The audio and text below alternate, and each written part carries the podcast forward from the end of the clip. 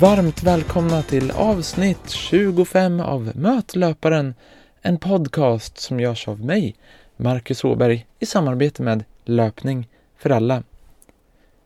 Den här veckan får ni ett litet eh, specialavsnitt faktiskt. Ni ska få träffa två personer. Och det är två riktiga löparprofiler som många av er har frågat om och är säkert nyfikna på. Deras namn är Fredrik Urbom och Lars Södergård. Det blev ett samtal om två helt olika vägar in i löpningen. Om hur man egentligen tränar rätt för att bli bäst. Och sen det här med tuffa lopp och tuffa tävlingar som är på tapeten just nu. Vad tycker egentligen Fredrik och Lars om detta? Och vad är egentligen den tuffaste distansen som man kan göra inom löpning? Om man frågar de två alltså. Det får ni svar på om ni lyssnar vidare. Jag ger er Fredrik Urbom och Lars Södergård i ett öppet hjärtligt samtal och stundtals faktiskt väldigt djupt samtal. Jag har inte så mycket mer att säga, utan jag tycker att nu kör vi!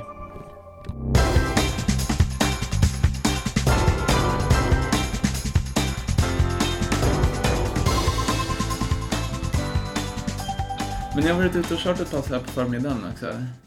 Ja, Hur kändes passet då? Eh, för mig kändes det helt okej. Lite seg första halvtimmen men eh, sen så... Nej, det kändes bra. Kände mig stark på slutet också. Ja. Jag hade det jobbigt upp till 22 kilometer men sen, sen kände jag mig riktigt fräsch. Men då var ju, skulle han in på de jävla backarna upp och ner. Hade det varit asfalt där flackt då hade det... Ja, men det hade varit så jävla flackt. Eh, Vi körde ju långpass då. och Så var det ju södra Djurgården första... Eh, kanske dryga timmen, 1.20 eller något sånt där. Ja. Och sen så körde vi in på norra Djurgården. Då körde vi Fiskartorpsspåren. Mm. Maskinbacken och eh, ja, elljusspåret där Det är runt som. Lidingöloppet ungefär. Ja, just det. Just det. Ja. Ja, det är massa branta eh, backar som kommer ofta liksom. Eh, jag gillar ju sån terräng. Och, Jag hatar det. ja. så, eh, men det är alltid jag som bestämmer rundan typ. Så. Det är så? Det är så. Att du sätter... Nej, eller- Olle spontant. snackade om det idag så att det blir, det blir alltid så som jag vill ha det. Typ, på de passen. Men, men om vi börjar då. Eh, ni har ju lite ol- olika vägar in i löpningen, eh, ni två. Eller kan man säga så? Ja, det kan fel man. eller? Nej, det är nog väldigt rätt ute. Ni kanske kan, vem ska vi börja med? Vem vill börja med att berätta om sin väg? Du har väl den traditionella vägen in till löpningen Fredrik? Ja, skoltävling i fyran. Ja. Ja, för du börjar i... För du är från Norrköping, eller? Nej, Nyköping var. Nyköping. Mm. Nej, jag vann en skoltävling i fyran. Och så började jag i friidrottsklubben efter det. Mm.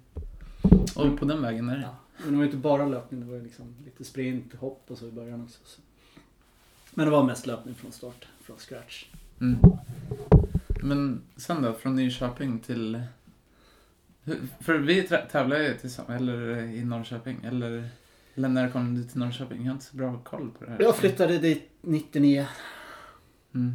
Eh, och då hade jag gått på löpargymnasiet. Sen hade jag varit tillbaka i Nyköping och sen flyttade jag till Norrköping. Yes. Och då började jag träna först med Jorma Järvinen var det. Och Dunken, om du kommer ihåg. Nej, nej. Eh, borde du göra. Men, eh, och sen var det Kalle Särkan. Och sen vart det då Holgerssons grupp i Ja, just det. Söderköping. Ja. Men du har alltid tävlat i löpning liksom? Från att du var liten, för du gick ju löpa gymnasiet också och såna här grejer. Ja. Även när jag inte har tränat så har jag tävlat. Ja, precis. Du var i SM-final med ölkagge där. Tidigt Ja. på, på 90-talet. Men, nej, men jag började ju mer... Alltså jag höll på med idrott när jag var eh, yngre. Men så, ja, fotboll liksom, höll på med lite kampsporter och såna här grejer.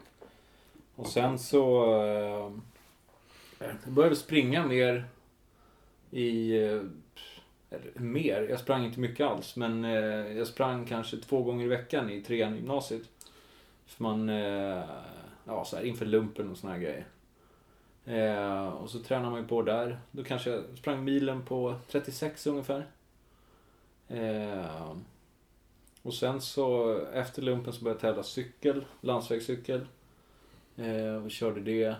Och sen då ja, 2008 på hösten så bestämde jag mig för att köra lite mer på löpning. Då la jag av med cykeln. Mm. Då hade jag precis, jag gjorde 32.15 på 10 000 så på, ja, träna två mil i veckan. Eh, men mycket cykelträning liksom. Så jag var ju bra tränad. Mm. Vad var det som gjorde att du bestämde? Var det att det gick bra löpningen? Ja, det gick bra och sen så eh, hade jag ledsnat på cyklingen. Jag hade även under den vintern 2008 så hade jag kört något så här inomhuslopp på 3000. Eh, Det var brorsan som körde för, eh, han tävlade för studenterna. Och så sa han att man kunde få så här elitbidrag. Typ få två par dojor och tusen spänn om man klarade några gränser så här. Mm. Eh, det var på hösten, det var hösten innan där, 2007. Så då skulle man under 34-30. Jag bara, ja det borde man väl kunna göra liksom. Eh, så jag sprang eh, långlöparnas kväll och Ali Open på så här 34-20 ish. Eh, och sen så sprang jag lite inomhus men jag tränade inte löpning. Jag körde två löppass i veckan. Ett med några intervaller och sen ett bara ut och jogga 45 minuter. Hur börjar du egentligen? Jag vet fan, alltså allt är ju liksom, det är en jävla soppa. Men... Eh, eh, Jag kommer första gången att jag träffade dig var ju läger i Portugal 2011. var det det kanske? Ja, som vi tränade ihop i alla fall. Nej, det där stämmer inte. Eh, jag tror att vi körde redan 2009 på hösten. Okej. Långpass. ja, det är bara att jag inte minns då. Ja. Jag körde med Olle då, för vi var ju Ja. typ grannar på Bosön. Jag tror du hängde med och sen så var du skitsliten och eh, typ eh, väggade och började gå. Det låter som mig hem. på långpassen. Eh, Lidingöloppsspåren. Det är ofta så på långpassen, eller? ja, jag hatar dem. Det är därför jag inte ska hålla på med långa lopp. Jag väggar alltid. Men sen dess, ni har väl hängt mycket alltså, tillsammans? Eller ni kör i den träningsgruppen som ni kör? Eller, eller hur har det blivit att ni... Det är en sporadisk grupp, Ja. skulle jag vilja påstå. Ja. Ja, det... Men det, den, vad ska man säga, gruppen med citationstecken. Vad ska man säga att det är? Du, jag, Olle, eh, Jens, Fredrik Johansson kan väl sägas ha tillhört den tidigare. Alltså, det är ju bara lite löst plock av människor. Mm. Det är ingen grupp egentligen. Vi har ingen gemensam tränare eller något sånt där. Utan, eh, ja, det, men vi kör ju lite ihop. Jag brukar hänga på spårvägens pass ibland. Mm. Det som funkar nu är att vi är ganska jämna. Ja, precis. Så då funkar det väldigt bra att köra kvaliteten ihop. Mm. Ja, ja det blir ju... eh, Annars är det ju... Vi har väl... Annars i Stockholm så är ju Olle ju för bra liksom för att köra kvalitet med. Ja. Eller man, Om man inte anpassar, men vi kan ju inte köra samma pass oftast. Med nej, det går inte. Man får korta ner. Eh, men Medan vi kan köra eh, samma pass och köra alltihop. Sen kan ju någon ha en bättre eller sämre dag liksom. Men, för de andra killarna i spåret till exempel eh, är ju lite sämre liksom. I alla fall på långintervaller och sådana grejer. Ja, det är precis. De får ju korta ner när de Mm. med oss. Ja. Som igår. När Ja. de körde, de körde stora gänget 8 gånger 1000 och vi körde 10. Låg i front där. Så hade vi en Mm. klunga i rygg. Men de här olika Vi var inne på starten här. Mm. Vägarna in i löpningen. Hur hur var det för dig då Fredrik när det kommer en, en ny? Eller? Förstår du vad jag menar? Det kommer alltid nya. Varje helg Ja. dyker upp någon. Men som ändå har blivit eh, tagit sig in i löpareliten så pass bra som... Det kanske säger mer om den svenska eliten än om mig. Ja. Är det så tycker ni? Eller? Lite. Alltså det ska ju inte vara någon... Ja, men man måste ju ändå kunna vara med. Man Ja, måste ju absolut, alltså man nå måste ju- den nivån att man kan göra runt 31 på milen. Annars kan man inte vara med överhuvudtaget. Ja, absolut. Alltså, och då, då har man ju kommit någonstans i alla fall. Eh, och det händer ju, det händer inte så ofta men det dyker upp killar som kan ju ha den kapaciteten efter ett tag. Och kan vara med och köra med oss. Mm. Det kommer ju... Flyktingar kommer ju regelbundet. Som Ebba Schulu kom i eh, höstas där. Ja. De gör ju 31 utan att ha tränat. Ja. Sen har, alltså han har ju inte... Han har inte legat så, eh, spelat, eh, han har inte gameat hela uppväxten liksom. Han har ju Nej. rört på sig. Ja. Så att, eh, okej att han kanske inte har kört, eh, vad ska man säga, organiserad träning. Men han har ju förmodligen varit jävligt aktiv. Jag pratade med honom där. Han gick två timmar till skolan. Och så två timmar hem och så spelade de fotboll på rasterna och när de kom hem. Så han hade väl så här 68 timmar akti- fysisk, Fysisk aktivitet aktivitet. om dagen hela sin uppväxt. Så det är klart, liksom, då har man en grundfysik. Mm. Tror ni att det är skillnaden med att vi i Sverige inte lyckas få fram någon, att vi spelar mycket, eller som du var inne på, game, äh, gamar mer än, vi rör inte så mycket på oss, eller så? Ja, alltså, det, om det kanske kommer fram någon då som har förutsättningar för att bli bra, så har han inte, ingen grundträning i kroppen. Och inte van att röra på sig. Då drar man ju på sig skador istället när man ska börja träna på riktigt. Mm. Men har du rört på dig under uppväxten. Men det är som du, när du växte upp. Även om du inte tränade. Eh, du körde ju hockey och fotboll Ja. och... Eh, ja, du körde ju och lite friidrott liksom. Rörde på dig hela tiden. Även om du inte elitsatsade på det där. Nej, Jag tränade när jag var 10-11 år. Då hade jag så här 9-10 pass organiserad träning i Mm. veckan. I typ fyra olika idrotter då men Mm.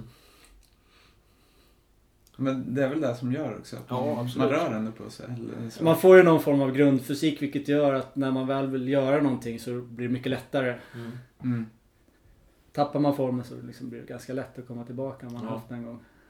Jag har också alltid rört på mig. Vi lirade ju fotboll. Det låter som att jag är 100 år gammal liksom. Men när jag var ung på 90-talet. Vi lirade ändå fotboll på eh, morgonrasten och eftermiddagsrasten. Och så hade man fotbollsträning. Ibland så drog man ut och spelade själv. Eh, Ja.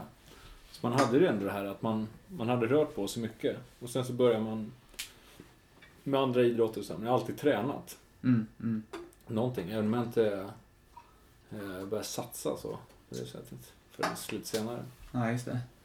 Men du då Fredrik, när, bestäm, när var det du bestämde dig för att börja satsa? Nu är du elitmotionär, som du kallar dig. Men när bestämde du dig för att satsa helt på löpningen? Det har varit i tre omgångar. Ena är jag när jag gick i 8-9. Eh, då bestämde jag mig att liksom sluta med fotboll och hockey och allt där och fokusera på löpningen. Eh, andra var år 2000 när jag egentligen hade jag hade tävlat och så men hållit uppe väldigt mycket. Liksom bestämde att nu ska jag börja träna ordentligt igen.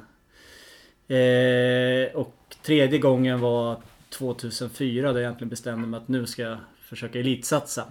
Mm. Så det har varit eh, egentligen tre olika gånger som jag bestämt mig att jag ska gå på löpningen. Eh, och när jag var eh, ung där första gången var ju för att jag var en av de bästa i Sverige i min åldersgrupp. Och det var man ju inte fotboll och hockey. Nej. Så det vart det liksom, ja, det vart det ju det. Hade du valt fotbollen och hockeyn om du inte, eller om du hade varit eh, motsvarande bra på det? Det är svårt att säga, det vet jag inte. Nej. Eh, eh, det är svårare att mäta där också. Ja, absolut. Man, vart, man vart ju uttagen till så här Regionslag. la- la- regionslag och så men ja. ja men det, det är väldigt svårt att svara på, det vet man inte. Eh, och eh, år 2000 där var ju bara att jag var så jävla nedgången så jag var tvungen att börja träna liksom. Här, Som du sa, jag var i SM-final med ölmage liksom så här. Utan att knappt träna något. Eh, Eller 99 var det kan man säga. 99 var det. Ja. Då började jag. Eh, och 2004 var egentligen att, ja, jag var liksom kompetent löpare men jag gick inte 100%. Jag tränade mindre än de flesta andra och jag liksom hade för mycket annat som jag gjorde liksom. Bestämde mig Vad, hade du, vad sprang du då? Vad hade du för tider liksom? Men jag bestämde mig 2000... Eh, säg att jag gjorde 14.25. Mm. Eh, nu sprang jag inte så mycket 10 000 men säg 30,5. Mm. Eh, och på 3000 meter 8.20, 8.25 där. Så, det- men jag tränar ju kanske sex, sex gånger i veckan tränar jag ungefär då. Mm. Och inga dubbelpass liksom? Nej, men det var, ju, det var ju hårda intervaller och så. Man körde ju tre stenhårda intervallpass Mm. i veckan så det var ju inte någon... Man joggar sig inte igenom Nej. 106 pass. Eh, men det var ju det jag gjorde då att du bestämmer att nu ska jag träna mer som de andra löparna gör. Det vill säga köra dubbelpass, öka upp Mm. volymen och så. Och då vart man ju mycket stabilare. Man vart liksom helt bättre löpare, bättre tränad, bättre grundfysik. eh, Allt vart bättre. Eh, Sen resultaten var ju inte så jättemarkant bättre. Liksom man gick ner en, en halv minut på 5000, en minut Mm. på milen. Men, eh, men däremot så var det ju att den här sämsta nivån vart en helt annan. Ja. Man liksom har varit betydligt mer stabilare liksom och mer kompetent på alla olika områden. Både liksom snabbhet, uthållighet och... Jämnare över en säsong. Ja, eh, men det var egentligen vad jag gjorde då var att öka volymen. Mm. Började köra dubbelpass och började titta till hur, hur, hur liksom de som var bättre tränade, främst Sjöqvist. Började köra med honom och så. Istället för att liksom ha- harva själv, som jag Mm. gjort innan. Mycket. Men det, det ger ju rätt mycket att köra med, med bättre löpare liksom. Eh, det var ju när jag, 2009 där, 2000, ja, slutet av 2009 och främst 2010 så började jag köra med Olle Wallräng och ja, med dig också Fredrik. Eh, ja, det började jag för sig köra mer med kanske 2011. Men det ger ju också en... Eh, Måste ju bättre sparring. eh, Alltså, Ja, och framförallt att man ser att det inte finns några hemligheter liksom. Ja, men så här gör de som springer snabbare än jag. Så då... Eh, det finns ju ingen mirakelkur liksom. Det är ju bara att... Man kör på. Sen kommer ju inte resultaten på en gång. Så jag gjorde ju det 2010. Då gjorde jag slutet av säsongen 31. Tog mig precis under 31-30. Ja, 31-29 gjorde jag. Sen tränade jag ju på bra liksom. Men fick inte riktiga lyftet förrän... Eh, hela säsongen 2011 var ju inte något... Jag var så här stabil, men jag fick aldrig till något särskilt mycket bättre än det jag hade gjort säsongen innan. 2012 fick jag på rätt bra med 14-23. Då blev jag skadad sen. Mm. Och sen då 2013 så kommer det. Men det är ju inte då att oj, vad gjorde jag precis där 2013? Utan det är ju liksom sammantaget. Och så får man lite proppen ur. Mm. Eh, Och det är ju mycket att man ser att de man kör med lyckas bra liksom. Mm. Men kollar man mycket på varandra? Alltså hur upplägg från andra eller försöker ta... Nu tränar ni mycket tillsammans men jag tänker att man tar lite upplägg från varandra eller Ja, ja, självklart. provar lite. Det är intressant att snacka om hur... Det finns många vägar att gå liksom. Ja, det, alltså det, det enda gemensamma är att man ska springa mycket och gärna fort också. Och sen hur man gör det, det, det är Mm. liksom sak samma. Ja, Det, det, är liksom, det finns Ja. tusen olika varianter på hur man gör det där. Absolut.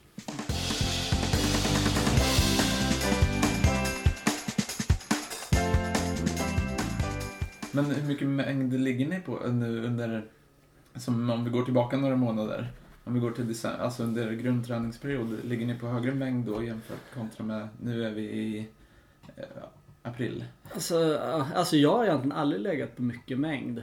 Du, ja, det var ju inför Tokyo förra året. Då låg du ju på... Ja, jag låg inte så mycket 18, egentligen. Men nu, nu, nu, 20 där va? men nu, nej, då, nej, 17, 17, kanske låg okay. runt där. Men nu har jag, jag skulle springa nu i vintras morgon prövade jag liksom ligga 20 men jag mådde ju bara dåligt av det. Mm. Det vart liksom så här, eh, ja, Okej, det är ju liksom svårt när man jobbar heltid och liksom har massa annat och få in det där liksom. Det tar ju tid, men det vart liksom inget, det vart inget bra. Utan jag gillar ju liksom att få, eh, kanske liksom inte ha så mycket mängd men ha det väldigt effektivt. Men ändå ligga på runt 14-15 liksom. Eller? Ja men alltså många, ja, när jag liksom bestämmer att jag går in i en träningsperiod. Ja, Men då är det 3-4 veckor. Då hamnar jag väl där liksom Ja, 15 precis. uppåt 16. Men sen övriga, de, de flesta veckor under åren kanske jag bara ligger 11-12. mm. Men det är ändå så... Det är rätt, rätt hå- hårda kilometer många av dem. ja. Eh, jag körde jag har haft ganska så här halvstrulig och konstig vinter. Dels kom jag igång rätt sent med grundträningen. För att jag hade tävlat ända in i ja, början av november. Eh, och sen var jag så eh, ja, jävla less på det. Så jag tog eh, någon, någon vecka helt av och sen så joggade jag typ eh, tre gånger i veckan. I, alltså jag var inte igång med träning förrän i ja, typ mitten av december. Då gjorde jag min första 10 mila vecka typ. Och sen så eh, körde jag det i två veckor. Och sen så drog jag iväg till Frankrike i början. Eller slutet av, precis innan nyårsafton. Mm. Slutet av året. Där körde jag ju på rätt bra. Men då sprang jag ja, men så här 14 mil i veckan tror jag det var. Men då var det rätt bra fart på de flesta passen och lite backe och sånt där på mellandagar. Hyfsat snabba långpass. Eh, men så kom jag ju hem. Och körde två pass med mig. Sen Ja, nej, så här var det. Jag körde, för att det var ju snöhelvetet hade ju kommit till eh, Sverige. Lappkräket, lappmöglet bredde ut sig. Så jag körde två pass på band då, de första två dagarna efter jag hade kommit hem, för jag ville inte springa ut i snön. Och sen då på fredagen eh, så messade jag Urban, ja ah, vill du köra distansen eh, en timme liksom? Ja. Drog ut, det är 10 minus, det blåser, Snöstorm. Ja, snöstorm och det är snömodd över hela jävla Stockholm. Drar ut på Djurgården. Och fan, jag hade kört på rätt bra där liksom. Jag var i rätt bra form. hade kört mycket långintervaller. hade vi på kanalen kilometern. 5.02 på kanalkilometer. Och då hade vi medvind där. Ja. Och sen vände vi om i motvinden. Och det var fan jobbigt. Så jag var helt knäckt. Jag tror vi hade sju minuter per kilometer med den jävla motvinden. Ja, det var så jävla vidrigt. Jag hatade löpningen. Eh, och sen, så när jag kommer hem då känner jag fan vad stel jag är i eh, höften liksom. Eh, men ja, då skulle vi köra 8 gånger 1000 dagen efter på Bosön. Ja. Och så jag jogga från Ropsten till Bosön. Då körde vi där och då, jag kände mig också så här stel och jävlig i höften. Vi joggade ut kör passet. Jag tror jag snittade 2.56. Du var... Jag sprang bara och skrattade. Ja, du var Där stark. kommer i form. du var stark som fan. Men jag kände att jag fick mer och mer ont också i eh, eh, liksom, ja, rumpan där runt Ja. bäckenet. Så jag hade ju åkt på en jävla låsning. Så jag kunde inte ens jogga ner efter det där passet. Haltade bara omkring. Sen var jag, kunde inte jag ta ett löpsteg på två veckor. Eh, sen fick man ju komma igång efter det. Då gick det rätt fort att komma igång. Tänkte jag köra inomhus men då blev jag sjuk. Så då fick man vila. Mm. Sen dess har jag kört på. Kan det varit typ så här. Ja, vad blev det? Där veckan efter inomhus var jag. Sen dess har jag kunnat köra på bra. Varit på, i Portugal två veckor. Ja. Så jag fick ju börja om. Jag har ju bara kört grundträning. Eh, från dess då liksom. Så jag har inte kört någon, någon spets alls. Mest kört långa tröskelgrejer. Premiärmilen var det första Mm. så här, testet liksom. Hur kändes loppet där? Jag, vet, jag läste ditt blogginlägg. Men... Ja, just det. Jag har ju sålt min själ och börjat blogga på kommersiella löparsidor.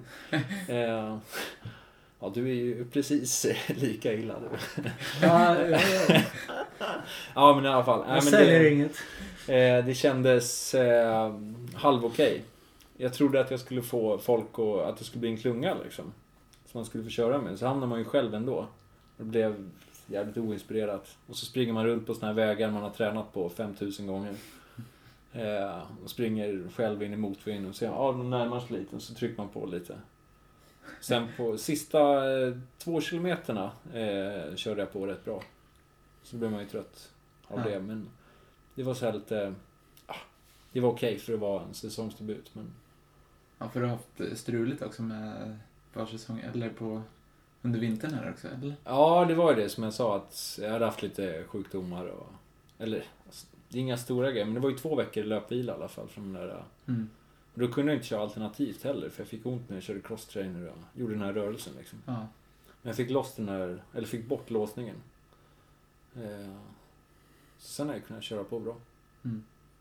Så jag, men jag ligger ändå, ändå i bättre form än jag var för ett år sedan. För då var jag fan katastrofalt dålig när vi var i Berlin där. Vad så jävla dålig var du inte. Du tål ju inte asfalten. Det är bara för att du håller på och springer i skogen upp och Ja, ner. kanske så. Men eh, din start då, eller hur har din vinter sett ut, Fredrik? Jag är bara, som vanligt, jag bara matar på vad jag känner för, för tillfället. Eh, var ju, året inleddes egentligen med att vi skulle till Dubai och springa Dubai Mm. Marathon där. Men det var ett helt gäng som skulle dit. Eh, Alla bangar utom du. Lars skulle dit, eh, David, eh, Nilsson, Lerdal, Fredrik Lerdal, Johansson. Fredrik Johansson. Men alla bara droppade av så det var bara jag kvar. Så jag lyckades få med Lars bror på Lars biljett ner. Och sen var det så här väldigt... ah, Jag var i rätt bra form, rätt bra tränad men jag var rätt så här oinspirerande. Så jag, jag bestämde mig ganska tidigt att jag skulle kliva av. Jag fick en tid ändå så. Första sida på friidrott.se. Eh, men... Och sen dök det upp att eh, man skulle kvala in, alltså att man satte 65 blankt till kvalgräns på det här EM-loppet. i VM. VM, så i halvmaraton. Mm. Tänkte ja, men då kör vi mot det istället för eftersom jag var i rätt bra form. Men då började det strula. Jag körde på rätt bra men sen eh, när det kom in mot tävlingar då vart jag sjuk. Så jag låg febersjuk en vecka. Sen åkte jag ner till Sevilla och harade åt Emil, hans maratonlopp. Och så var det för tidigt så låg jag fe- febersjuk en vecka till och sen skulle jag tävla själv. Så det var inte så jäkla lyckat. Och sen blir det ju så när man ska komma igång där så jag- planerar in två halvmaror bara för att jag tänkte att man behöver, jag behöver två chanser liksom. Jag behöver klara 65 måste jag verkligen få till det. Och då blir det ett, ja, första hade jag 67 någonting. Eh, ja men nu jävlar så går man på intervaller fyra dagar i rad efter, efter halvmaran bara för att nu jävlar. Och sen, sen är man helt bränd till nästa lopp. Det är lätt att det blir så när man är ung och dum och inte är så rutinerad. Ja, ja. ja precis, när man saknar rutin är det lätt Mm. så att man går på för hårt tror jag. Ja, Eller när man inte bryr sig. man bara tränar för att dämpa ångest. Ja. Men- Men nu då, på veteran-VM som du var iväg på. Hur var resan där? Ja, Det var samma, jag sprang ju, resan var jävligt skoj men om vi Ja, börjar till med, börjar med loppen så börjar jag med ett 8 km terräng och det var ju vad ska jag säga, det var ju samma känsla som det var på halvmarorna liksom att var oinspirerande och tungt liksom. Det funkar inte riktigt. Eh, Men sen gick jag in och skulle köra 3000 meter och jag tänkte jag har inte kört ett enda fartpass. Eh, Jag var inne där på Bosön innan jag åkte ner och skulle springa 200, jag kom inte under 32. Eh, Och sen öppnade vi 32. Första 200. Och liksom rulla på där 65 sen och 210 på 800 och det känns bara lätt. Mm. Så jag fattar inte var, jag fattar inte var det här kom ifrån. Eh, Så det är jag rä- rätt nöjd med att jag liksom bara kändes lätt i 3000 meter och gick hyfsat fort. Ja. Men det var inte därför, var ju liksom jag ville vinna terrängen eftersom jag var regerande mästare och 3000 brydde jag mig inte om så mycket. Men sån där resa är det mer liksom att det är ju, det är ju ha roligt runt omkring. Mm. Vi var ju, var ju ute rätt mycket. Men det var en lyckad resa, förutom att du inte lyckades... eh, Vinna terrängen där. Utan Två, ett förnedrande silver blev det. Ja men det var jävligt skoj. Ja. Jävligt skoj. Det är roligt sällskap liksom. Så här gamla, några gamla löpare som liksom har börjat träna igen. Mm. Eller träna och träna, det gör de inte men. Bra De, de, de, de, anmäler sig och ställer sig på startlinjen i alla fall. Vissa tränar ju för det. Ja. Typ Rosengren. Ja. Jag tyckte Punnan var rätt rolig där liksom. Han sprang så jävla dåligt i försöken. Så vart han så förbannad så var han ute hela kvällen. Och så gick, gick fin- semifinalen på morgonen. Så han kom direkt i stort sett från krogen. Ställde sig, tog på sig linnet och bara ah, vi kör igen. Men- Vinnande koncept. Ja. Men eh, vi var inne på era bloggar lite. Nu har du börjat på... Jag tänkte vi skulle prata lite om det. Du har ju en väldigt populär blogg, Fredrik, på Löpning för alla här. Eh, Mm. En bra sajt för övrigt, ska väl jag säga. Eh, Du då, Lars, kör ju på Runners. Mm. Eh, hur kom det sig att du började där? Eller hur kom det sig att du började blogga? Eller? Det var egentligen att ehm, Jonas Lund som är digital strateg. Ganska intressant titel. Ja, jag vet. Men det är ju så här hittepå-jobb liksom. Eh, tjena Jonas. Jonas, du lite på jobb. Ehm, han hade hört att jag inte hade någon skosponsor. Jag fick ju nobben av eh, alla de här. Jag har aldrig haft en skosponsor. Så. Nej, men det är så det ser ut. Eh, De, alltså skoföretagen de sponsrar ju typ fitness-tjejer och sånt som bloggar. Mm. Eh, Så att han var schysst och så ringde han upp för de ska köra så här race-skotest som de gör på våren. Frågade om jag ville vara med som testperson. Eh, och så får du behålla dagarna efteråt. Ja, schysst sa jag, absolut. Eh, och så när jag var där och hämtade upp de dagarna så började vi snacka lite så här. Så frågade han, ja om du... För han sa att de hade haft lite andra löpare som satsade mer, som hade bloggat. Lerdal. Lasse Johansson skrev typ två inlägg också innan han dag. Ja, ett kanske. Ett kanske. Eh, Sandra Eriksson. Eh, och frågade om jag var intresserad. Jag gillar ju att skriva, jag tycker det är rätt kul. Eh, så ja, det kan jag göra, absolut. Och så... Eh, jag var ju med till Portugal också där, i Montegordo. Mm. Och fick, eh, det är Runners World och Springtime där. Eh, och fick en rätt bra deal på det. Så det var så det var. Ja, just det. Hur, hur är det nu då när du är igång? Det... Jag tycker bara du gillar alla. Ja. Ja. en härlig kille liksom där. Åh vad bra han var. Ja, jag vet att du Åh. baktalar mig för det där, men eh, det var väl... Eh, mm, jag, vet, alltså jag har bara skrivit tre inlägg, så att det är väl inte så... Eh, vi får se. Vi får se hur det blir. Se om man hittar något intressant. Det är så jävla många som bloggar och det skrivs jävligt mycket ointressant också, men... Eh, ja, får se. Får se hur länge man gör det. Om det... Om man kommer in i det eller om man börjar eh, bli äcklad av sig själv för att man säljer sig. Då kanske man får lägga av. Men, nej, men än så länge tycker jag att det är rätt kul att skriva också. Så att, eh, jag kör på. Men eh, du har ju lite mer rutin på, eh, kan man ju säga, eller? Ja, eller På bloggandet också, eller? jag har skrivit en del. Det har Ja. blivit en del. Hur, hur är det då? Är det kul att skriva? Alltså i början var det rätt roligt. Eh, och sen var det, men sen nu är det... Det blir så jag hatar när det blir alltså, tradigt när det börjar upprepa sig saker och ting. Liksom. Och det känner jag nu att liksom det mesta är uttömt. Finns liksom inte så mycket intressant att skriva om längre som inte, redan är skrivet. Så blir det bara så här återupprepning och det tycker jag är väldigt tråkigt. Så det, nu är det väl egentligen bara att nu skriver jag när jag gör någonting. Mm. Eh, när jag är iväg någonstans och liksom om lopp. Och så. Mycket beroende på att ja, eh, liksom redan skrivit om det som var kul att skriva om. Och liksom kan man inte göra det igen. Nej. liksom Kör Stockholm. Marathon igen helt enkelt. Ja, Hoppas på bra vän. Nej, eh, så det, det blir ju så liksom när man gör något sånt där att det, förr eller senare så, så fastnar man i någon rutin. Att Mm. ja, man håller på och skriver om samma sak och ja, då blir, det- då blir det oftast rätt tråkigt. Så när jag startade tänkte jag att jag ska inte skriva någonting om träning överhuvudtaget. Och nu liksom ändå så, så skriver man om träning liksom bara för att man inte har något annat att skriva om. Ja. Eh, och då Alltså det Ja. kan ju vara kul att skriva om träning också. om Man gör det på... Alltså det går ju att hitta vinklar, men det blir oftast extremt nördigt också. Ja, men det Om var ju alltså det jag vet. När jag började med det där, gick jag in och läste på så bloggar vad de skrev om och då var det ofta så här, ja men jag sprang det här passet, det kändes jättebra, tjoho. Och nu kommer jag komma, komma i form så här, och då vart jag bara äcklad av det. Eh, Och tänkte att så där ska inte jag skriva. Det är kanske roligare att skriva om andras träning. Ja, Jag ska, vilja, jag ska blogga om Olle Wallrängs träning. det. Han kommer bli skitglad. Ja. Förmodligen. Men om vi tar loppet där 2012, som du nämnde lite. eh, Då du tog seger här. på Stockholm Marathon. Stockholm Marathon, Ja. precis. Hur, vad kommer du ihåg från det här loppet då? Jag Alltså, såg att jag stod vid halvmarapasseringen. eh, ja, faktiskt. Eh, det gjorde jag.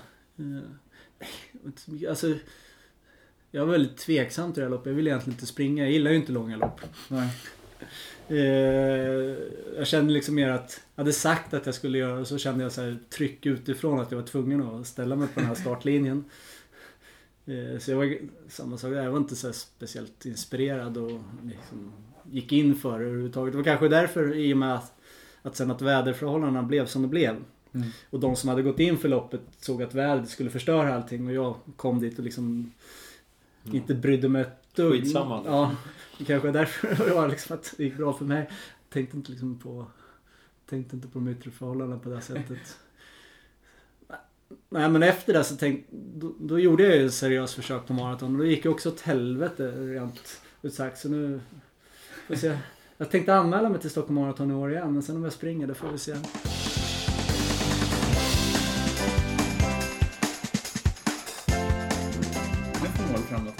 2014? Någon som vill... Jag tänkte Du springa- har ju klara mål. Ja, jag har klara mål, absolut. Jag vill springa eh, snabbare på bana främst. 5 och 10 000. Eh, eh, Jag planerar att springa en Nordic Challenge på 10 000. Mm. Eh, Om det blir blågult. Ja, blågult blir det, men om det blir Vallentuna-dress eller eh, i exercisekläder, det får vi se. Exercise. Eh, och sen... Eh, ja, jag springer bana under sommaren. Eh, och sen Lidingöloppet till hösten. Mm. Typ så. Ja. Alltså jag har ingen jäkla aning. Eh, det var lite det här att de ska ha ett maratonlag på till EM då. Då började, därför började jag träna lite för Dubai då. För man tänkte på det. Men sen kände jag nej, maraton är så jävla tradig distans. Alltså, det är inget kul ens. Varför ska jag hålla på och satsa på det då? Jag, kan, jag skulle tänka mig att gå in och bara göra en tävling på det. Men liksom ingenting jag orkar hålla på och bry Så, mig om och satsa på. Liksom. Så- Springa de här 4 gånger 5 km marafarter. Ja. Ja, nej. Nej, så, så jag, jag vet faktiskt inte alls vad jag ska... Jag springer väl alla... Springer de loppen utomlands som jag tycker är roliga. Som jag liksom eh, gillar. Hoisten ska vi springa. Mm. Eh, och sen springer jag väl de loppen i Stockholmstrakten här. Mm. Och då är, ingår ju Stockholm Marathon så man vet inte. Liksom, om jag är anmäld så kanske jag... Det, det kan mycket väl vara så att jag, kommer anmäla mig att jag liksom går dit bara på morgonen. Ja, Bara för att jag känner för det just den morgonen. så, eh, men... eh, Nej men det...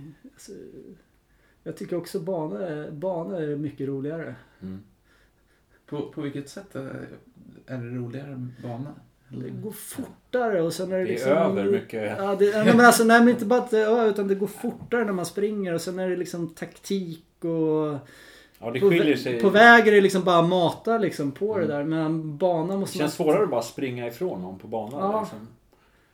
Men- Eh, Det är så viktigt liksom att placera sig rätt och vara med i rätt ryck och så här. Ja, när vilket- klockan ringer och Vilket inte liksom har dugg betydelse på väglopp och så. Nej men det är liksom... Det är roligt för du måste liksom tänka hela tiden på hur du ska, hur, vad du ska göra. Sen är det ju två olika typer av banlopp. De är mästerskap med Ja. placering och sen eh, ja, såna här plågsamma jämnfartslopp när man Ja. ska springa. Och det är liksom, eh, för många hyglar ju de här långa loppen att det ska vara utmaning och det Ja, ska vara tufft. trail och ultra Ja men det ska vara tufft och så här, man ska liksom få en utmaning. Det hårdaste man kan göra som löpare det är liksom att göra så här hårt jämfartslopp på 5 eller 10 000 Mm. på bana. När du liksom är trött väldigt tidigt. Mm. Alltså, För det går, det går Mm. så pass fort. Och du liksom ligger hela tiden på precis vad du klarar av. Och ändå så måste du bara bita i den där ryggen och ligga Mm. med där. Går Det är liksom det är Ja. betydligt värre än att hålla på och springa något jävla ultralopp. Rent Ja. så här, både mentalt och fysiskt. Och sen vet du liksom, det är ju där, därför många inte klarar av banan. För att de släpper den där ryggen. De klarar inte det liksom. Det tar emot för mycket. Och, liksom, och det är de som är duktiga på det. Som gör bra tider på banan. Det är de som liksom har det här mentala och kunna klara det där. Alltså man, du har hittat rätt fart. Om man inte är särskilt säker i början på att det här ska hålla liksom. Nej men, men precis, du liksom... Känns det, känns det behagligt? Då Då går det, bra då är det inget bra liksom. Och det är just det här. Det, om du springer 5000 till exempel och det är liksom så här maxlopp. Om du tappar koncentrationen ett enda varv. Då har du, liksom, då har du förstört tiden. Då är liksom, bara liksom ett varv du slappnar av. Eller något så här, då, liksom, då har du liksom, då har du, då har du liksom tappat där. Mm. Där som du ska göra. Så det är liksom, måste vara fullt fokus hela tiden. Och det är bara... Och det är ju så exakt och mätbart. Det är aldrig något snack om att banan var kontrollmätt eller något sånt där. Liksom det, är, det är, banan ljuger aldrig liksom. Det, Och det är aldrig någon som kör med GPS som kommer efter. Nej, det det var slipper man. 10,2, 10,1. Nej, jag kör, kör all, aldrig klocka på banan överhuvudtaget. Handlederna ska vara rena. Men hur mycket använder du? Alltså det är mycket bland motionärer som använder sig, nu sitter jag själv med en GPS-klocka men eh, hur mycket använder ni er själva av sådana tekniker? jag, jag har tidtagare, stoppur bara liksom. Mm. Alltså en vanlig klocka. Mm. Alltså det är ju en pulsklocka men jag har inget pulsband till den. Jag vet inte var jag har fått den ifrån. Jag har inte köpt den. Jag har fått den någonstans ifrån. Jag fick en GPS eh, i höstas på en tävling jag vann. Eh, så jag använde den lite men nej. Det kan vara vit, vi- någon vits om man ska springa så här. Idag ska jag springa tre mil och ha så att man ser att ja men det vart ungefär tre mil. Mm. Eh, men jag använder den väldigt Alltså, sällan. det är egentligen ingen så här grej att jag tycker att det är fånigt och tönt. David Nilsson han kör ju med GPS och tycker att det är så här motivationshöjande. Ja. Så det är ingen värdering i det. Det är bara att Nej, jag litar nej. inte alltid på den heller. Eller man har sprungit med andra och så man springer Lidingöloppsspåret eller något. Så säger GPSen att vi har sprungit så här, men vad fan jag vet ju att vi har sprungit så här långt liksom. Då kan vi lika gärna skita i det. Ja. Ja, men, och sen när jag var då var det väldigt mycket att hålla fart liksom när jag använt den. Liksom, så här. Men det är bara dumt. Egentligen ska man bara gå på känsla ändå. Mm. Men, men eh, om vi... Du nämnde också det här toughest, eller de där trenderna som går nu. Ja, det Att det ska vara så tufft som, eller hårt Ja, och då ska de prova 5000 banor. Men troligtvis för de flesta, det är, de, de, 5000 banor är aldrig tufft för de klarar liksom inte av och springa det på det tuffa sättet. Det krävs en hel del för att liksom köra ett 5000 meters lopp och liksom bara... Du går liksom så att du ligger på i stort sett max hela tiden och så efter en kilometer då är du liksom, då är du rejält trött och sen ska du ligga där fyra kilometer till liksom och hålla den här jävla ryggen. Och de flesta klarar ju inte det så det blir ju inte tufft. Nej. De flesta klarar Du inte av måste ju liksom- träna för det också då. Ja. Att, eh, men man ska inte... Det finns väl... Som Jonas Bud när han springer 10, kilo, eller vad säger jag, 10 mil och snittar eh, under 39 per mil. Det, alltså, det, är ju, det är tufft liksom. Eh, men jag har svårt att relatera till det där. Och speciellt när det blir ännu längre eh, lopp. Jag skulle absolut inte kunna gå in och dunka 100 km och snitta under 39 per mil. Och sen är jag inte så intresserad av att göra det heller liksom. Eh, men eh, mycket av de här trenderna nu, det är så här, vad är det? obstacle racing och sån här tough viking som de ska köra på Gärdet, tror jag snart. Alltså, det har blivit en grej att, jag tror att mycket det där ligger i att man vill imponera på kollegor och, och vänner. Och eh, säger man att man har sprungit, sprungit fem kilometer i helgen, det är ju det är ingen som fattar det.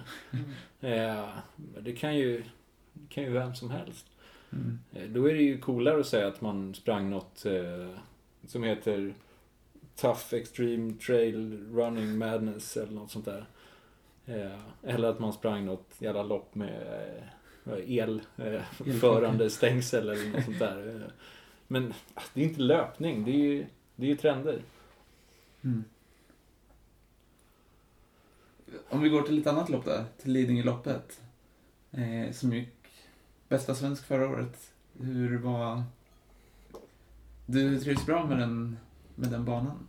Ja, jag gillar Lidingöloppet. Eh, jag gillar ju sån terräng, speciellt när det blir... Lidingöloppet är väl det enda längre lopp jag är intresserad av. Jag är inte särskilt sugen på halvmara eller... Det är bana och...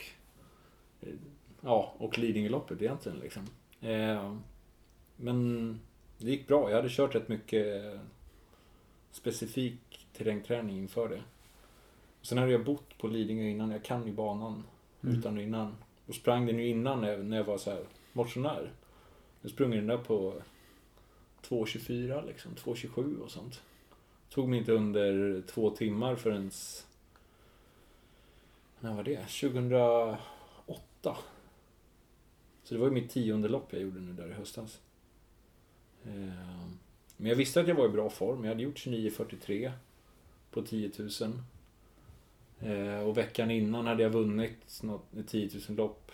Sprungit 30-11. Då sprang jag ju bara för att vinna loppet liksom. Jag sprang ifrån eh, Nappe, Fredrikshov, Napoleon Solomon. Mm. Med tre varv kvar. Och jag var, eh, ja, var inte ansträngd när jag kom mål liksom. Så då visste jag att jag hade bra form. Trots att Urbom försökte psyka mig från sidan. Ja. Eh, nej men så att... Det var ju... Det kändes som att många var jävligt överraskade. Men... Eh, och jag, jag nämndes väl inte med särskilt stor respekt liksom. Man snackade väl om David. väldigt många andra namn. Ja, David var ju... Han Vilka var det mer i din klubb? Det var David, du... Det var ju bara jag, David och sen var det ju han... Eh,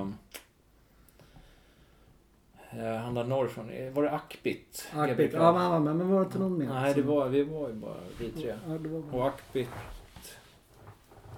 Han kom in sen på 43 tror jag. David hade 42, jag hade 41. Eh, det var ju bara David jag såg som ett hot egentligen. Om bästa svensk Mm. titeln. När det blev klart att Musse inte skulle springa. Och inte Musse heller. Men just som det, det var många som skrev efteråt, överraskande eller så. Ja, men det... Folk har inte koll på det bakom.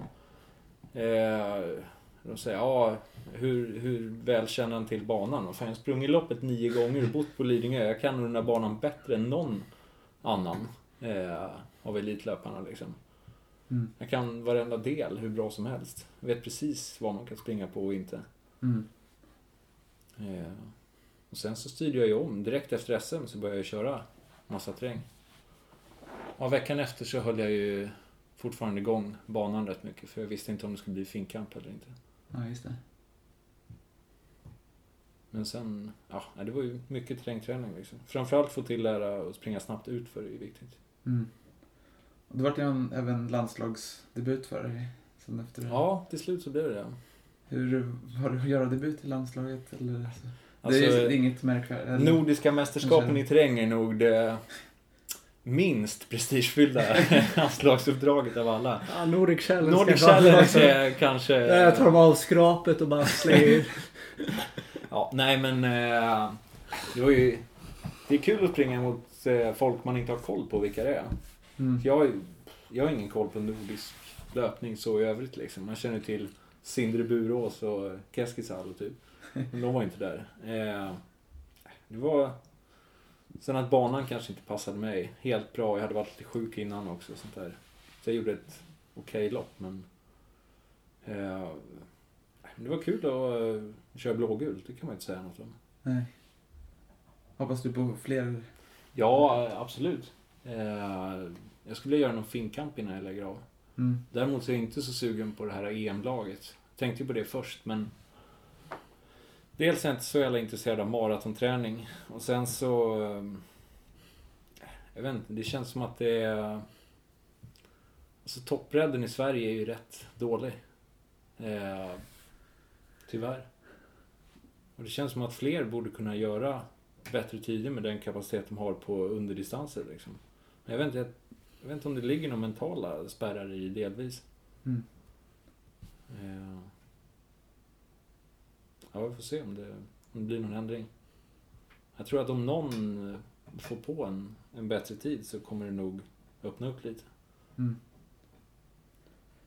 Men en finkamp vill du göra, sa du? Ja, innan. absolut. Du, nu kommer vi in på den finkamps... Eh, Vilken av dem? Fredrik är en rutinerad finkampslöpare. Folk Ja, tror att han gjorde debut nu Fredrik. senast. Nej men om, först om vi tar det med mediebiten bara som du var inne på. Nu var det ju efter VM i Köpenhamn här var det ju okänd svensk eh, som eh, gjorde 62 Ekvall. Det är Men ointresse och dålig research.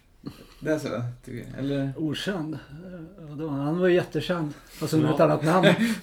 Precis. Vi- Alla vet ju vem Ekvall är egentligen i Sverige. Det är bara att de, det är bara att de har en annan beteckning på honom. Ja, det är sant. Det är sant. Nej, men hur, hur är det, hade det varit liksom i en annan idrott om man skriver... Eller hur... hur eller förstår ni, hur kul Ja, är det att få en sån... eh, Så här, o, alltså, att man får en journalist som inte ens gör sin research till att... Ja, Ja. men och få också till att låter som att... Jag vet inte Man- vad Ekvall tycker om det, men eh, Mm. alltså att skriva okänd doldis, det är väl så okej att han inte är någon... Eh, det är klart att Sudden är mer känd liksom, och Mm. Foppa, men eh, han har ändå vunnit Finnkampen, han har... eh, Det är ingen som tävlat- bryr sig om. Nej, absolut. Men det är ingen okänd doldis som, som kommer från ingenstans, som de skriver. Han har SM-guld och han har kört eh, landslag innan och han har sprungit Sverige gjort 1.04 innan och är bättre nu. Mm. Så det är inte... Det kommer inte från ingenstans. Det är en definitionsfråga. Om man ser för den breda massan så är det klart han är en doldis, men... Ja, jag vet inte. Något ska man ju skriva. Men eh, finkampen här då? Eh, Du har gjort många finkamper, vet jag. Men den som varit mest uppmärksammad där nu var ju förra året. Eller då var det på Idrottsgalan också. Eller, Så hur, Uppmärksammad. eller den lyfts upp mycket i media eller så? Ja, det var ju bara för att du varit så här spektakulär. spektakulär. Det fanns inget annat att skriva om på den där finkampen. Nej. Det var liksom, men det, är- det är en brist just för friidrotten att liksom de två grejerna som lyfts fram i, i svensk friidrott under ett år är att eh, hon är, Emma Gren målar naglarna Mm. i regnbågsfärger och att jag kollapsar på finkampen. Det är liksom...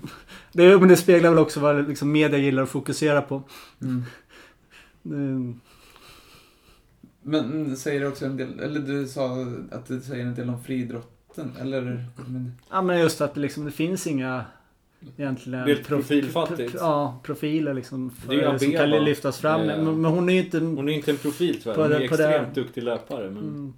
Och liksom, hon kommer ju aldrig, så länge hon inte lär sig svenska eller något sånt Mm. så kommer hon ju aldrig kunna vara någon som liksom kan säljas i media. nej.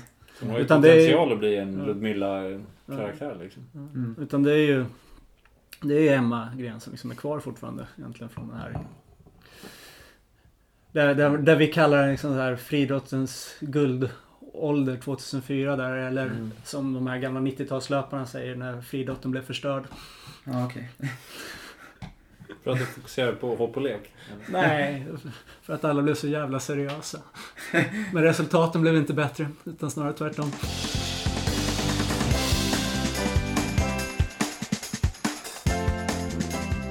Eh, Med mängdträning, som vi pratade om lite tidigare här. Tror, tror ni att det är många som fokuserar enbart på att Ja, men vi var inne lite på det båda två. Ni tänker lite mer, man fokuserar inte så mycket på mängd utan det man gör under dem.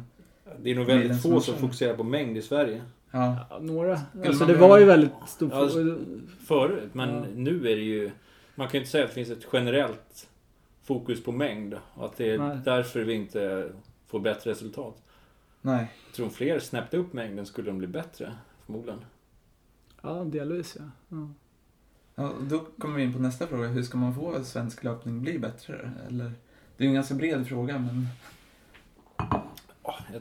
Ta emot mer immigranter från Eritrea och Etiopien. Etiopien, ja. Inte Jag hålla på att utvisa dem. Och jävlar, det kommer bli fart. Jag tror att man kan, eh, istället för att plocka eh,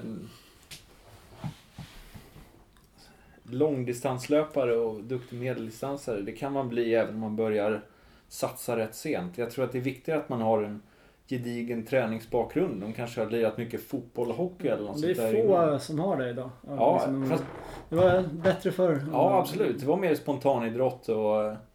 Men jag tror att det finns många som kanske droppar ut från eh, eh, fotboll, hockeylag, innebandy, bandy.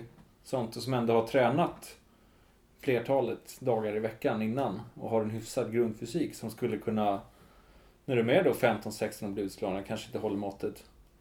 Har en sån pass bra träningsbakgrund att de kan styra över och bli rätt duktiga löpare.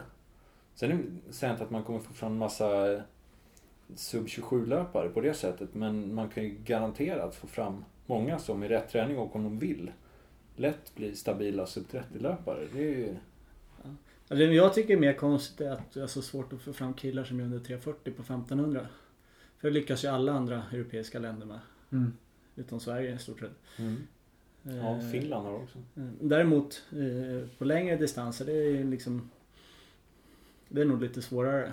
Krävs mer. Men just 1500 där så tycker jag att... det- Där tycker jag är konstigt att vi inte får fram Finns det något fel i svensk träningslära hur man kör? Något generellt? Har det varit för mycket fokus eh, på eh, alltså, Alltså, den anaeroba biten istället för den aeroba? Svårt att säga liksom. Men det jag vet är ju att svensk... I Sverige har man tränar man ju väldigt annorlunda än de 1500 meters löpare jag känner nere i Europa. Det är Hur, ser, hur är skillnaden där då? Sk- Skillnaden är ju att de kör betydligt hårdare över hela veckan. Men, inte, men just, de kör inte speciellt hårda intervallpass. Det är de enskilda passen är inte hårdare, Nej, men eh, totalbelastningen. Utan de svenskarna kör, springer oftast bättre på intervallpassen än vad de här killarna gör. Mm. eh, som är 10 sekunder bättre än dem. Eh, har bättre tider och så. Men skillnaden är att eh, morgonpasset för den här, eh, ja, jag kan ta en holländare liksom, som jag känner liksom, var en mil på 33 minuter. Och sen körde han sina liksom, intervaller som var ganska lätta på kvällen.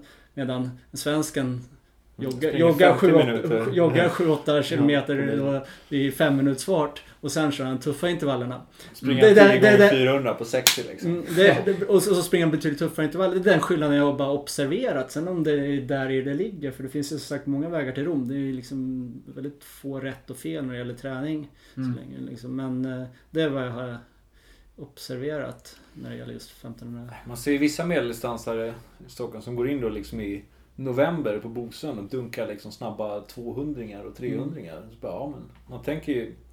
Nu är inte jag en expert på medeldistansträning, men man tänker liksom hur fan ska man öka från det? Vad ska man lägga på för spets sen liksom, när man ska börja tävla? Om man, om man kör de där eh, riktigt snabba syragrejerna redan nu.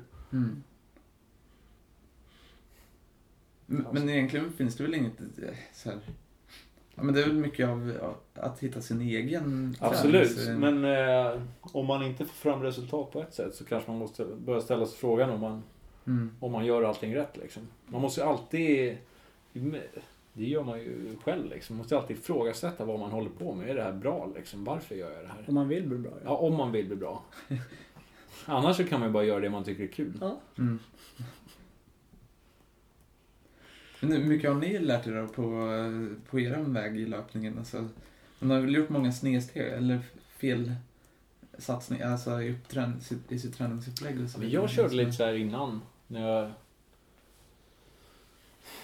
jag vet fan, allt flyter ihop också. Men eh, jag tror att jag körde mer jävligt hårt liksom på kanske två kvalitetspass i veckan. Och sen, det var nog framförallt 2009. Då stod jag ju helt still när jag började satsa mer på löpningen. Jag körde jävligt hårda pass. Eh, och sen gick det rätt långsamt i övrigt. Jag fick oftast någon känning på grund av de där pass. Kunde inte springa någon mycket mängd så blev det ju... Då stod man ju still. Mm. Eh, men nu minns jag, vad var frågan sa du? Eh, Ja, miss, eller sne, Snedsteg. Jag tror att man kan vara seriös på fel sätt också. Eh. Oj. Kramp i baksida lår. Det brukar hända ibland. man är inte 20 längre. Eh, Det skulle eh, gått så hårt i backarna idag. Vi tar det lite lugnare. precis. Och han igår krampade i vaden när vi joggade ner. Ja, nej men gubbe liksom. Vad fan. fick rätt i. Vad fan. Du simulerade ju kramp i rapasset. Eh, nej men jag tror att man kan vara seriös på fel sätt. Istället för att då tacka nej till eh, att ta en öl så eh, då sitter man upp och pluggar hela jävla natten istället. Det, är bättre att gå och lägga sig och få sin sömn än att eh, säga nej till att ta en, mm, en bärs någon annan kväll. Ja. Eh, när vi var i läger i Montegordo. Mm. Då var det också så här. Ja, men vi satt och... Jag, Olle och en annan kille, Erik Svan, vi stod och körde Mm. styrka och det kommer in från passet. Så kommer du där med en, eh, eh, en påse med bärs liksom. Lars, nu drar vi bastar istället. Och jag blev liksom, fan, här är ju 29-30 killen. ska, jag, ska han ta mig seriöst? Äh, fan, skitsamma, jag häng på liksom. Så då... Eh, alltså man måste slappna av lite också. Löpningen är ju ganska hård som den är så att det blir jobbigt om man ska uppoffra för mycket så här Mm. små saker som inte påverkar för negativt. Sen kan man ju inte supa sig full, det handlar inte om det. Nej. Eh, Men man behöver inte vara rädd för att ta en öl då och då liksom, eller käka en hamburgare eller sådana där grejer. Det är inte det som kommer göra att man blir sämre på att springa.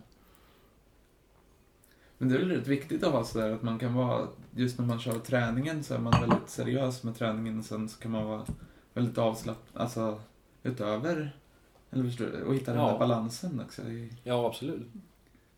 Jag vet ju precis. Jag är lite mer rutinerad så jag vet ju precis vad jag har gjort för snedsteg under mina, min karriär. Det är ju... Det är att när man varit i form och eh, liksom vetat om man har varit i form, då har man varit för het. Mm. Man har gått på alldeles för hårt på träning och så. Så man liksom varit lite utbränt i tävling så man inte fått resultaten på tävlingarna. Man har varit betydligt bättre på träning än man varit på tävling. Nu när jag liksom är mer motionär och liksom inte bryr mig så är jag betydligt sämre på träning än vad jag är på tävling.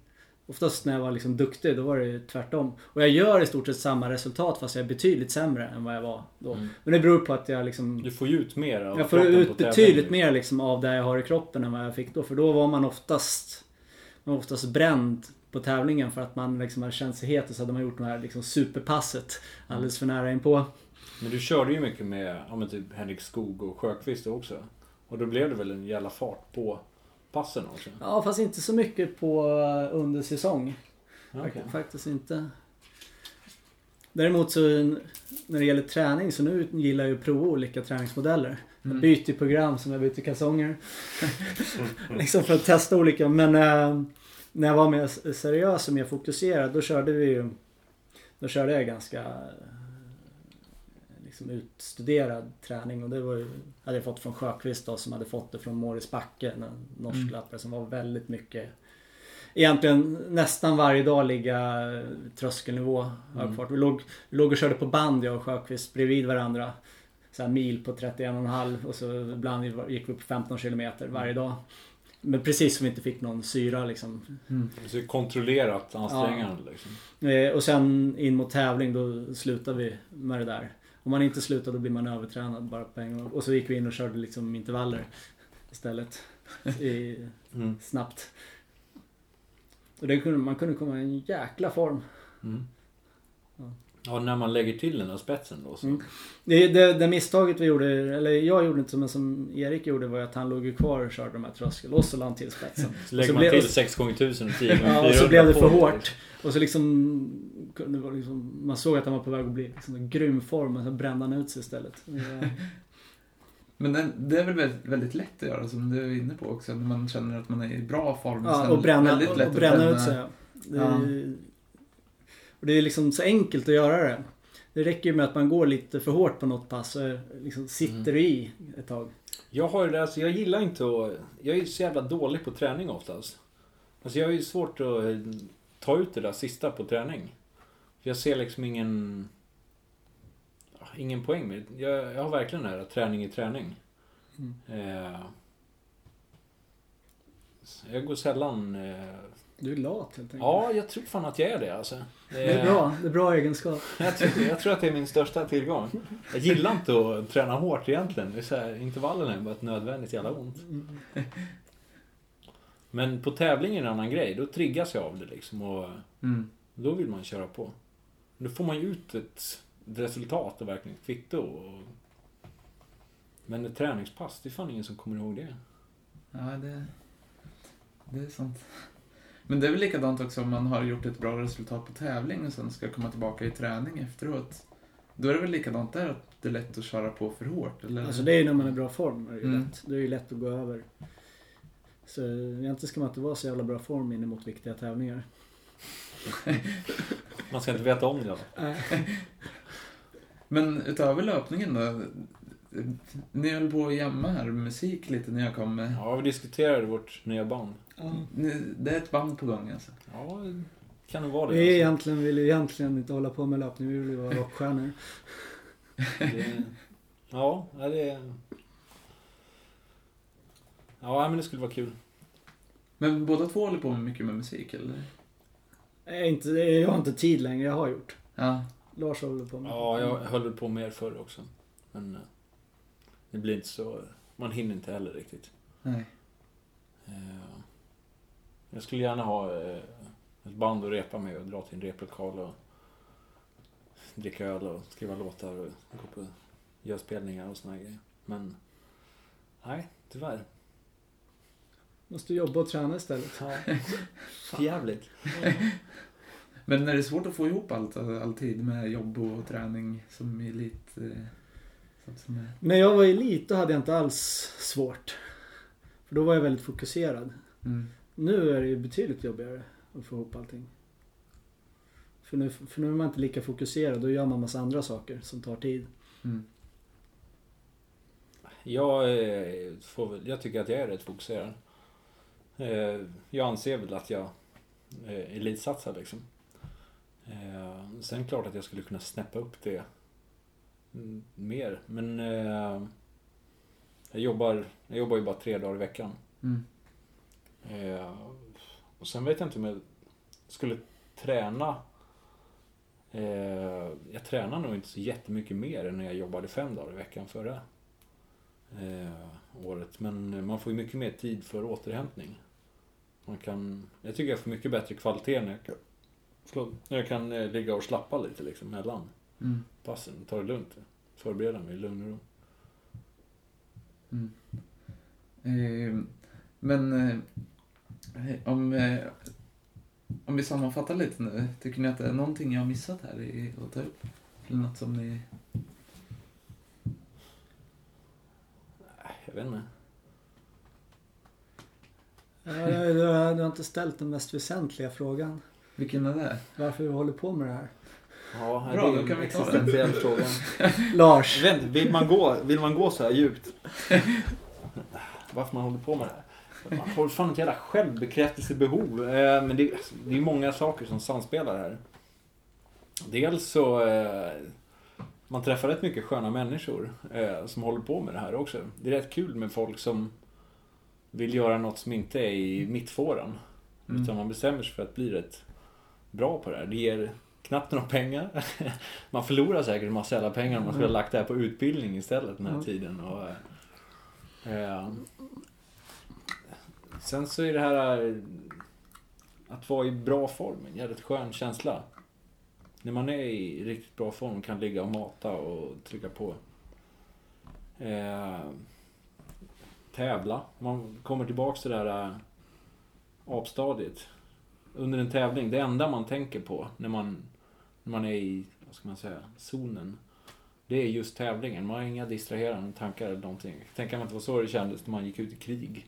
Eh, Och som mig där på i, inomhus-EM nu, eller VM. När jag liksom började få ångest inför jävla banloppet och låg i sängen och bara hade råångest inför loppet Mm. hela dagen. Och sen var det liksom, jag började värma upp egentligen två timmar innan bara för att liksom försöka få bort det där. Men, men är ni, ni som tävlar så mycket, är ni nervö lika nervösa in, Eller är man alltid nervös inför ett lopp? Nej, inte jag i alla fall. Men om det är ett viktigt lopp där det är... Vet fan, jag- Jag är alltid lite. Sen är det mer eller mindre. Ja. ja. Inför SM där på 10 000, då var det ju, då hade du ju första ångesten. Men vi var ute och värmde upp tillsammans ju. Mm. Men sen så blev calling uppskjuten, eller eh, allt det här liksom, starten blev uppskjuten och... Då, då lättar det ju för dig. Då börjar du dra vitsar och sånt där. Ja men det, är- jag har alltid en jäkla ångest innan Ja. uppvärmningen och sen under uppvärmningen. Men sen så fort det börjar närma sig start, då släpper det där. Och då blir jag liksom jävligt avslappnad och så eh, kan jag hålla på och driva med folk och latcha lite så här. När de andra börjar fokusera till också. Innan start. Men eh, två timmar innan då är, jag, då, då, då är jag inte pratbar ibland. Nej, det, kan vara jävligt svårt att få kontakt med dig ibland. eh, Innan tävlingen.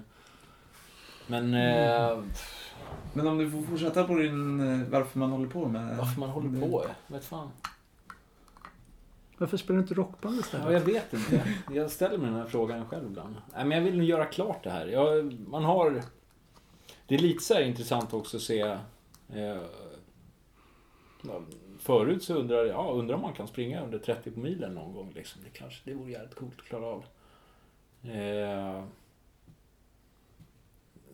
jag skulle vilja ha, man skulle ändå vilja kunna sluta och sen bara se tillbaka och säga att ja, man gjorde i alla fall några anständiga tider liksom, som man inte behöver skämmas för när man berättar att man har gjort liksom. Eh, Jag skäms ibland. ja, men... Eh, jag vet fan varför man håller på. Det är kul vet jag inte om jag skulle säga att det är.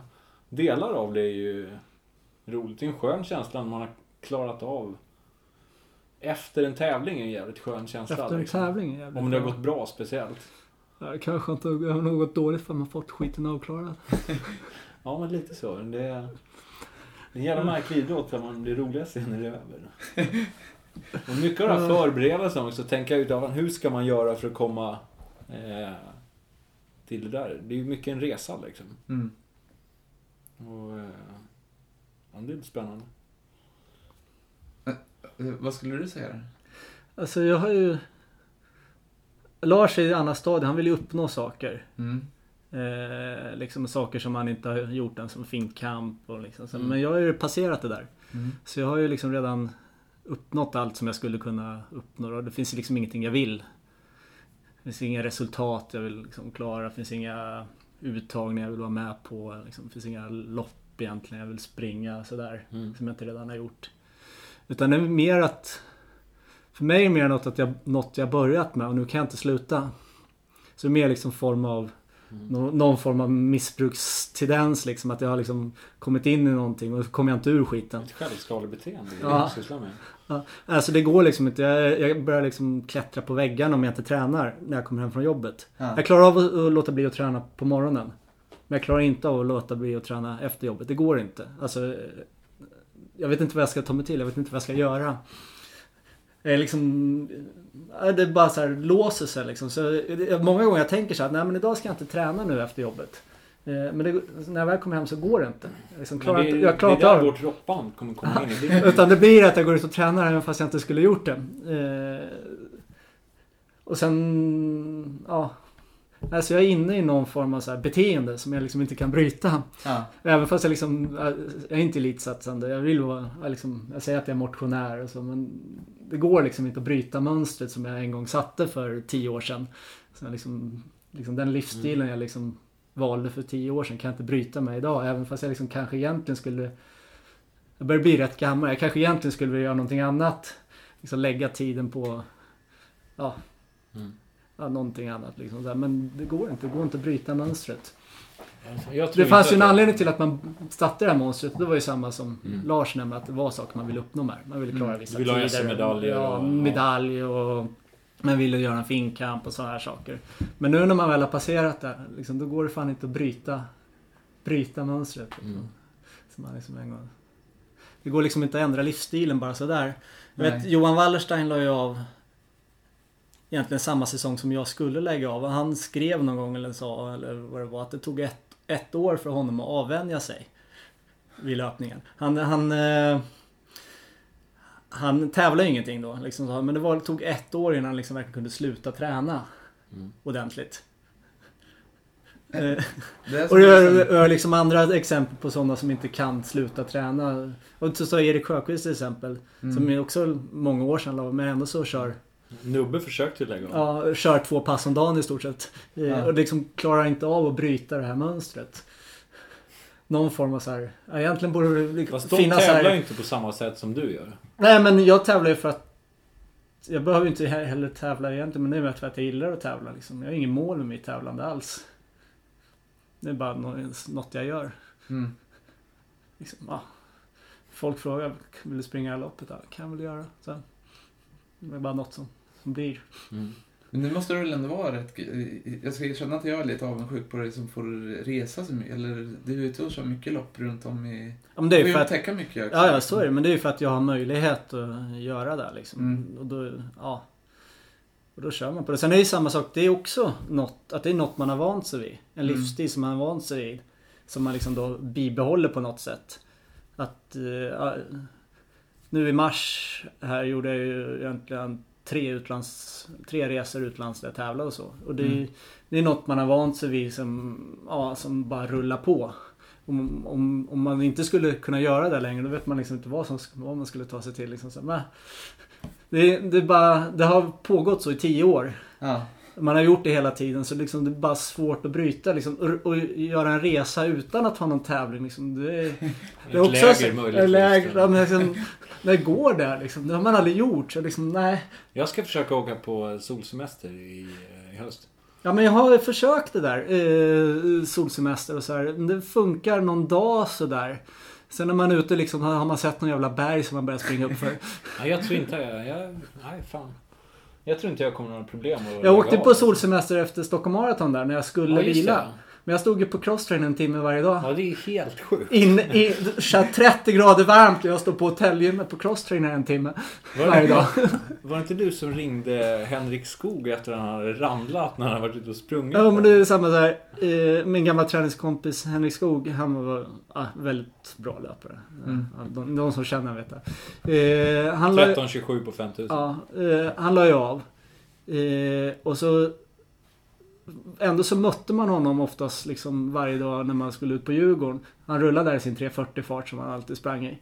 Och sen råkade han trilla. Och eh, han höll ju på med hinder och hade trillat på hinder. Det var liksom Han fick sluta med hinder för han var så rädd att trilla. Han var rädd att bli skadad helt enkelt. Ja. Och nu hade han liksom trillat på en isfläck och just fått en sån här skada som han var rädd för.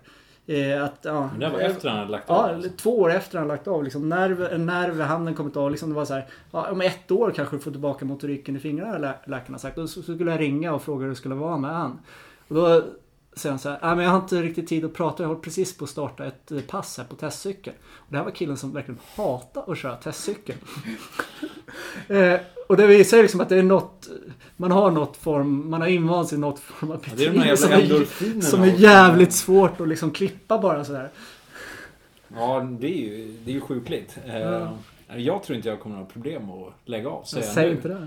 Ja, men jag tror jag kommer springa så här tre gånger i veckan. Eh, och Jag fram Ja, nästan. Fast ser upp här. Eh, nej men eh, springa tre gånger i veckan längs vattnet, i skogen, lugnt och fint.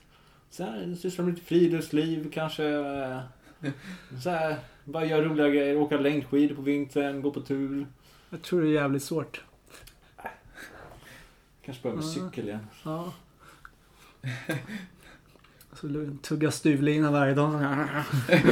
Nej, jag tror inte att jag kommer bli någon, eh, Nu var inte det här Sunderborn sa också att eh, jag kommer aldrig köra en veterantävling. Ja. Aldrig.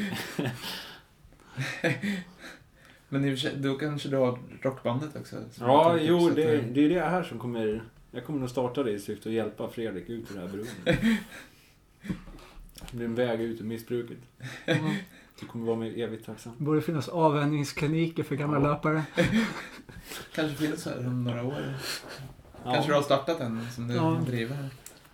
affärsidén. Har det här jävla obotliga fallet Lars Södergård. Nej, jag ska fan lägga av om några år. Jag tror inte jag kommer hålla på mer än några år till. Jag har sagt att jag fortsätter så länge, länge jag blir bättre.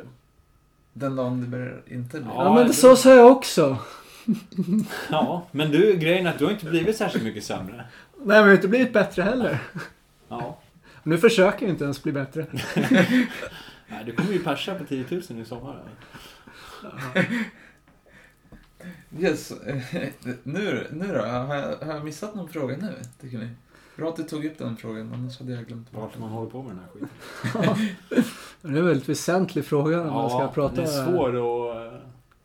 Det är svår att prata om alltså. Mm.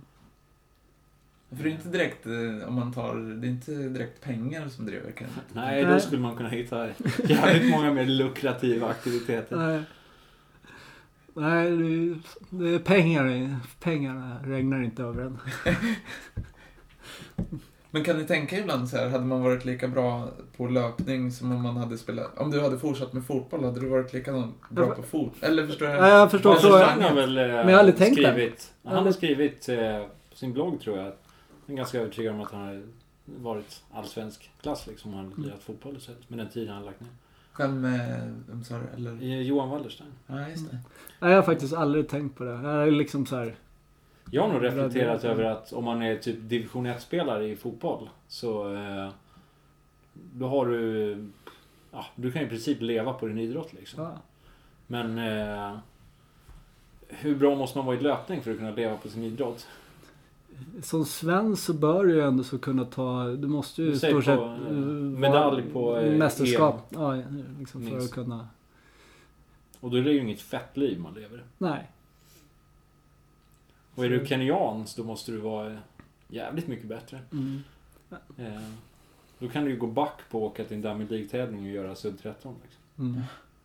Nej, det gör ju inte för du får ju resa så betalt. Men det... Ja, men det har hänt. Ja. ja, ja.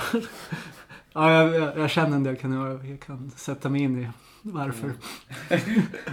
Och blåsta managers. Eh, Ja, jag tänkte på andra saker. Men, men eh, det inlägget som du skrev om kenyanerna där, när de joggar också? Eller var det kenyaner eller vilken nationalitet det inför var? Lissabon. Inför Lissabon. Halvmaraton. Ja, ja. Eh, ja, de var etiopier. Ja, etiopier. Men är det någonting du kommer ta, ta Nej. till dig nu i din träning? Nej. Köra? Springa extremt långsamt. Nej. Jag ska bara springa extremt fort. Ja. Mm. Har du varit förbannad över att det gick så långsamt idag? I början ja. Ja. Men vad, vad höll ni för tider idag då? På, Runt, runt fyra fart. Ut, ja. ut på Djurgården var den under fyra ett tag. Sen så blev det ju långsammare när jag körde kuperad. Ja. Eh, jag, när jag var i Marocko för många, många år sedan. eh, var det, då var det en kille, han sprang alltid så jäkla fort. Det var liksom så, här, så jag frågade varför han sprang så fort och då sa han så här, "Ja, men alla bra löpare springer fort. De bra löpare som jag har sett springa, de springer fort. Så därför springer jag fort. Det tycker jag var rätt bra svar. Mm. Han gjorde så här 3.33 sen på 1500. eh, 13.11 tror jag han fick till på 5000. Ja. Men det finns ju skitmånga vägar att gå. Ehm, Ja, man kan ju springa långsamt också. Men någon gång måste man springa fort. ja, det... Eller så kan man tävla jävligt ofta.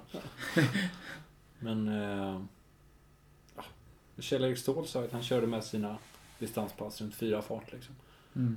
Och springer lite intervaller ibland då och då liksom. Distansen viktig. måste ju inte gå skitfort. Nej. Man kan göra så också. Då får man ju anpassa de andra passen liksom.